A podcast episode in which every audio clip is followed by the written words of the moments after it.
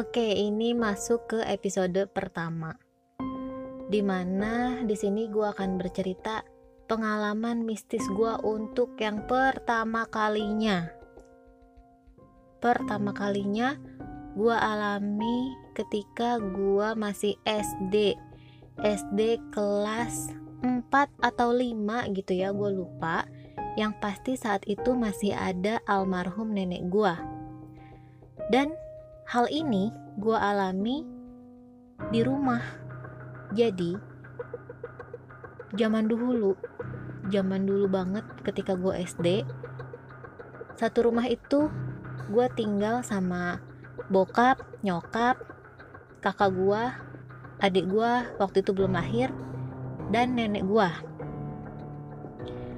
Delala, bokap nyokap nih lagi keluar, sampai jam 10 malam mereka belum pulang tinggallah di rumah itu gue bertiga gue kakak gue dan nenek gue waktu itu. Dan suasana rumah waktu itu tuh bener-bener sepi karena gue gak punya tetangga saat itu. Kanan kiri rumah gue masih kebun. Jam 10 malam itu sedang gerimis gerimis rintik angin gak ada tapi rasanya hening gitu dan posisi mati lampu. Benar-benar mati lampu. Saat itu cuma diterangin lilin dan kita bertiga tuh lagi makan. Waktu itu nenek gua gue masih inget banget dia masakin telur dadar. Wah itu enak banget zaman dulu makan cuma nasi nasi putih anget sama telur dadar itu enak banget. Nah ketika jam 10 gerimis. Suasana hening gue sama kakak gue lagi enak makan satu piring berdua Cila udah kayak pasangan. Tapi zaman sekarang pasangan nggak begitu. Tiba-tiba ada suara ketawa dari kuntil anak yang suaranya itu menurut gue merdu tapi bikin merinding. Dan durasinya itu panjang. Misal ya gue praktekin kayak gini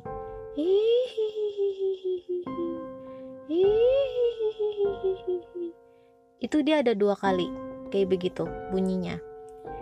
Langsung saat itu juga gua tatap-tatapan sama kakak gua. Terus kayak bilang dek lu denger nggak? Lu denger nggak? Ya teh gue denger. Langsung kan gua sama kakak gua itu nengok ke nenek gua. Gua waktu itu manggilnya emak. Mak denger nggak mak? Ada suara ketawa enggak nggak ada udah nggak ada katanya gitu kan.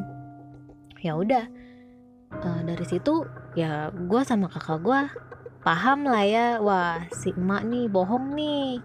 Mungkin saat itu tujuannya dia bohong kayak gitu biar gue berdua tuh nggak takut gitu kan. Nah terus ceritanya nih hmm, nasi belum habis kan? Posisi masih dak dikduk tuh baru pertama kali banget ngedenger gue dong disuruh ngambil kerupuk di dapur. Di mana waktu zaman dulu dapur gua itu masih terbuka dan masih cuma ditutupin kayak seng-seng kayak gitu deh pokoknya. Merinding dong luar biasa. Abis denger kayak gitu gue disuruh kakak gua ngambil kerupuk. Dan gua itu takut. Gua nggak mau. Gue bilang ke kakak gue teh gue nggak mau. Lu aja udah yang ambil. Gue takut. Eh udah lu ambil power seorang kakak mengalahkan power seorang adik. Yang mana mau gak mau ya udah gue ngalah. Tapi udah sampai pintu dapur gue nggak berani ngelangkahin kaki dan gue ditendang sama kakak gue pantat gue ditendang cuy. Ambil buruan. Dari situ gue ngambil kerupuk dalam hitungan 0, sekian detik tau nggak?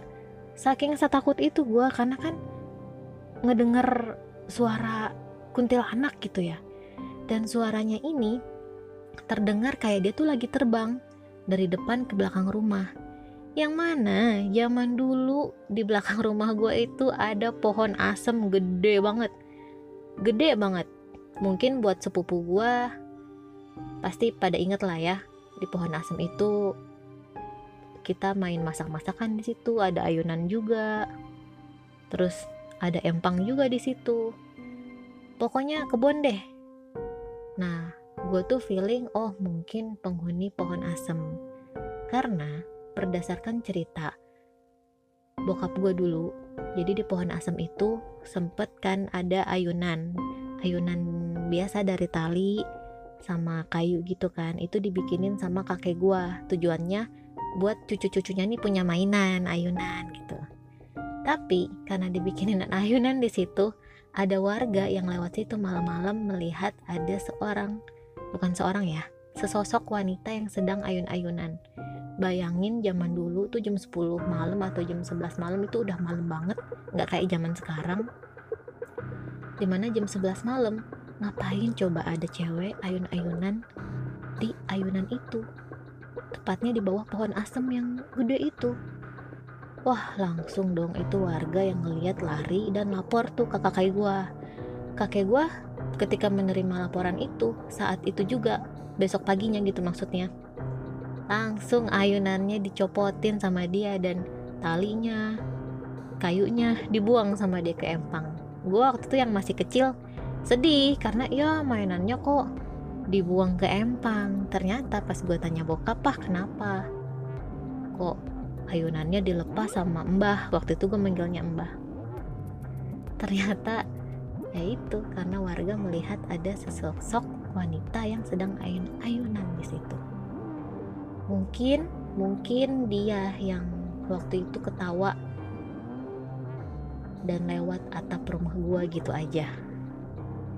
Suaranya ya ampun benar-benar lembut merintih tapi gimana ya? Ah pokoknya kalian yang pernah dengerin pasti paham deh suaranya tuh kayak gimana. Tinggi tinggi banget intonasinya. So itu dia pengalaman pertama gua ketika mengalami hal mistis adalah dengan ditampakkan suara ketawa kuntil anak nah cerita apa lagi selanjutnya? Tetap tungguin ya episode-episode yang akan tayang so sampai di sini aja. Bye bye.